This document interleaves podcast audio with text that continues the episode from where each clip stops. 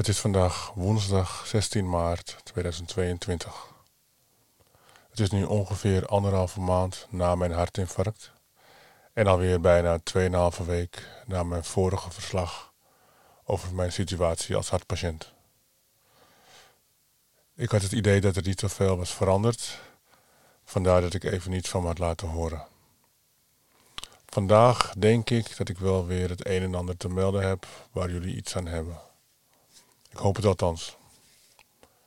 Ik beul mezelf af bij de fysiotherapeut. Ik heb meer nieuws van de cardioloog. En hoop en maak er het beste van.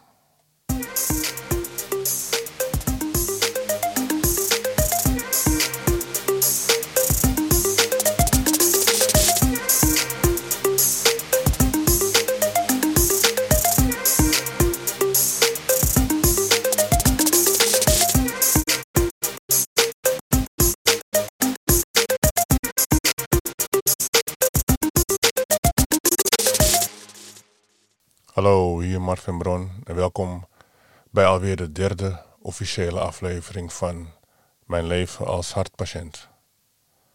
Vandaag ga ik weer wat dieper in op hoe ik mij voel en hoe ik ervoor sta wat mijn missie betreft. Mijn missie om in zo kort mogelijke tijd weer fysiek fit te zijn en van de medicijnen af te komen.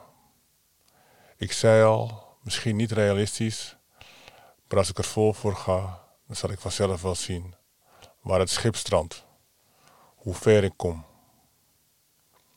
Ik heb de eerste drie weken fysiotherapie erop zitten. Ik ben nu zes keer geweest, dinsdags en vrijdagochtend van half negen tot half tien. Zeven keer als je de inspanningstest van afgelopen maandag mee rekent. We beginnen daar uh, met 20 minuten fietsen of hardlopen of wandelen. Ik heb de eerste twee keer gekozen om te fietsen. En dan doen we een circuittraining. Het kan ook andersom zijn, eerst een circuittraining en dan 20 minuten lopen of fietsen. Dat ligt eraan of er één of twee groepen zijn. Tijdens de circuittraining doen we verschillende oefeningen. Krachtoefeningen zoals kniebuigingen, buikspieroefeningen, oefeningen met halters, medicijnballen en uh, schijven halterschijven. En oefeningen om het uithoudingsvermogen te verbeteren, zoals uh, trippelen op de plaats, uh, trippelen door een speedladder en uh, jumping jacks. We doen één minuut lang een oefening en krijgen ook weer één minuut rust. De eerste week begon ik rustig aan, vooral met fietsen. Het was gewoon weer prettig om mijn lichaam weer aan het werk te zetten. Bij de circuittraining was het iets anders. Daar was ik wel iets fanatieker. Ons zuurstofgehalte en onze hartslag wordt continu gemonitord. Voor aanvang, na het fietsen of lopen, soms tijdens de oefeningen en weer aan het eind van de training vlak voordat we vertrekken. In de eerste week voelde ik me na de training goed, geen probleem. Behalve wanneer ik weer eens wat te veel hooi op voor ik had genomen weet wat, uh, wat de fanatiek was. Bijvoorbeeld de speedladder te snel wilde doen, of te snel over de step wilde springen, of meer dan 60 jumping jacks in één minuut wilde afwerken, of een ander parcours in mijn allerhoogste tempo wilde afronden. Vlak na de training voelde ik me ook nog oké, maar vanaf 20, 30 minuten na de training kwam er een gevoel bij me op dat ik het best kan omschrijven als uh, wat je voelt wanneer je je adem inhoudt en op het punt komt dat je dat niet langer volhoudt. Het is een beangstigend gevoel, maar gelukkig lukte het vrij snel om mijn ademhaling weer terug te krijgen naar normaal. Ongeveer een uur na de training was ik dan zo moe dat ik instortte en even een paar uurtjes moest slapen om uh, weer fit te voelen. Op donderdags voelde ik de lichte spierpijn van de training van dinsdag nog. Maar gelukkig niet zo erg dat ik daar te veel last van had. Dat was de reden dat ik de krachtoefeningen niet zo zwaar deed. Ik dacht, de kracht komt wel. Ik hou me nu nog bezig met of en hoe mijn hart het houdt. De tweede week ging het al een stuk beter. Ik ben toen ook begonnen met het slikken van hoogwaardige supplementen, vitamine en mineralen. Toen merkte ik ook meteen dat ik veel meer lucht had en mijn uithoudingsvermogen een gigantische boost kreeg. Vanaf dat moment ging het trainen bij de fysiotherapeut me veel makkelijker af. Nu zit ik in de derde week en ik heb het idee dat ik alweer net zo fit ben als voordat ik mijn hartinfarct kreeg. Ik heb nog wel af en toe de ademnood. Die komt soms vanuit het niets opzetten. Het heeft iets weg van hyperventilatie, maar dan toch ook weer niet. Het is, het is heel moeilijk te omschrijven. Ook slaap ik de laatste twee weken s'nachts weer wat slechter. Misschien niet eens slechter, maar korter. Ik ben eerder wakker, bijvoorbeeld rond een uur of vier, vijf s morgens. En kom dan niet meteen weer in slaap. Ik ben op dat moment niet eens echt moe, dus ik zou op kunnen staan. Maar als ik een aantal uren wakker lig, bijvoorbeeld tot een uur of zeven, dan word ik dat wel weer. Het grote nadeel is dat ik daardoor slechts maximaal zes uur per dag slaap. Omdat ik ook niet meer uh, in de middag slaap. En dat is niet echt bevorderlijk voor mijn herstel. Ik heb nu net een belafspraak met een cardioloog achter de rug. Dat is drie weken na de vorige afspraak face-to-face. Dit blijft toch een spannende aangelegenheid. Wat zal hij zeggen? Ik voel me goed, dus daar ben ik redelijk zeker van. Voor mij is de enige belangrijke uitspraak of ik met de medicatie mag stoppen of in ieder geval minderen. Of ik mijn medicijnen uit het raam mag gooien of, of het ritueel mag verbranden.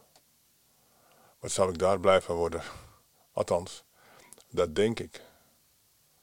Of zou dat het juist nog spannender maken? En zou ik juist onzekerder zijn? Elke keer als ik iets in mijn borst voel, of elke keer als ik me inspan, dat ik dan denk, of dat ik mezelf afvraag, of alles daarbinnen goed gaat. Elke uur mijn bloeddruk meten om er zeker van te zijn dat dat in elk geval oké is. Ik hoef me daar nu nog niet druk over te maken. Ik uh, mag namelijk nog niet met de medicatie stoppen. Dat vertelde de cardioloog me aan de telefoon. Voor aanvang van de inspanningstest op de fiets was mijn bloeddruk al, uh, al wat aan de hoge kant. Waardoor hij het nog steeds te riskant vindt om de medicatie te stoppen of te minderen. Omdat ze niet precies weten waardoor het infarct is ontstaan en ja, wat het heeft veroorzaakt. En dus ook niet weten waardoor het weer getriggerd zou kunnen worden. We hebben afgesproken dat uh, hij mij over vier weken weer gaat bellen. In de tussentijd moet ik twee keer per week s'morgens mijn bloeddruk opmeten. Twee keer na elkaar. En die waarde moet ik noteren. Voordat ik ga opmeten, moet ik eerst geplast hebben. Aan de hand van die in totaal 16 waarden gaat hij bepalen of mijn medicatie kan worden aangepast. Dus toch nog een maand wachten. Helaas. Dat was toch wel een teleurstelling. Maar aan de andere kant is het waarschijnlijk wel de beste keuze. Hij heeft het, uh, hij heeft tenslotte vol gestudeerd. En misschien is het ook wel veiliger uh, voor mij. Het idee alleen al dat die medicijnen voor me zorgen. is moeilijk. Lastig. Ik weet eerlijk gezegd niet welk gevoel de boventoon voert. De teleurstelling dat ik nog niet met de medicijnen mag stoppen. Of het veilige gevoel behouden dat de medicijnen voor mij zorgen. Ik ga in ieder geval verder met gezond en zoveel mogelijk zoutarm eten. Het drinken van mijn Marva en Moringa thee speciaal voor mij meegenomen uit Suriname. Deze theesoorten schijnen onder andere bij te dragen aan het verlagen en reguleren van de bloeddruk. Daarnaast hebben ze nog heel veel andere goede eigenschappen. Ik zou zeggen, google het als je het nog niet kent. Marfa en uh, moringa. By the way, ik ben uh, laatst na een hele lange tijd weer eens uit eten gegaan. En uh, het eten was heerlijk. Maar voor mij op dit moment een tikkeltje te zout. En dat is nog wel een van de dingen die het lastig maakt om te kunnen genieten van dit soort simpele dingen van het leven. Maar daar vind ik wel iets op. Ik drink gewoon nog meer water dan normaal. Het was in ieder geval gezellig en het eten was echt heel lekker. Ik voel me elke dag weer iets beter en ik weet zeker dat het helemaal goed komt. Dat vertrouwen heb ik, uh, heb ik wel. Ik weet niet of ik het nog moet zeggen, maar ik doe het toch. Ga jij je bloeddruk en cholesterolwaarden vandaag nog checken? Zijn ze te hoog? Maak dan meteen met je huisarts een plan om hier iets aan te doen. Wacht daar niet mee. Zeker in deze rare, onzekere coronaperiode. En vraag aan familieleden of hoge bloeddruk en hartklachten in jouw familie voorkomen. Ik hoop dat je iets aan deze aflevering hebt gehad. Tijdens de volgende aflevering praat ik met één of meerdere gasten die iets soortgelijks uh, hebben meegemaakt. Ik ben blij dat ik mensen heb kunnen inspireren om mee te praten en hun ervaringen met jullie te delen. Wil je ook reageren? Of ken je iemand die iets kan of wil bijdragen? Heb je vragen of wil je meepraten? Stuur me een bericht. Bedankt voor het luisteren naar mijn leven.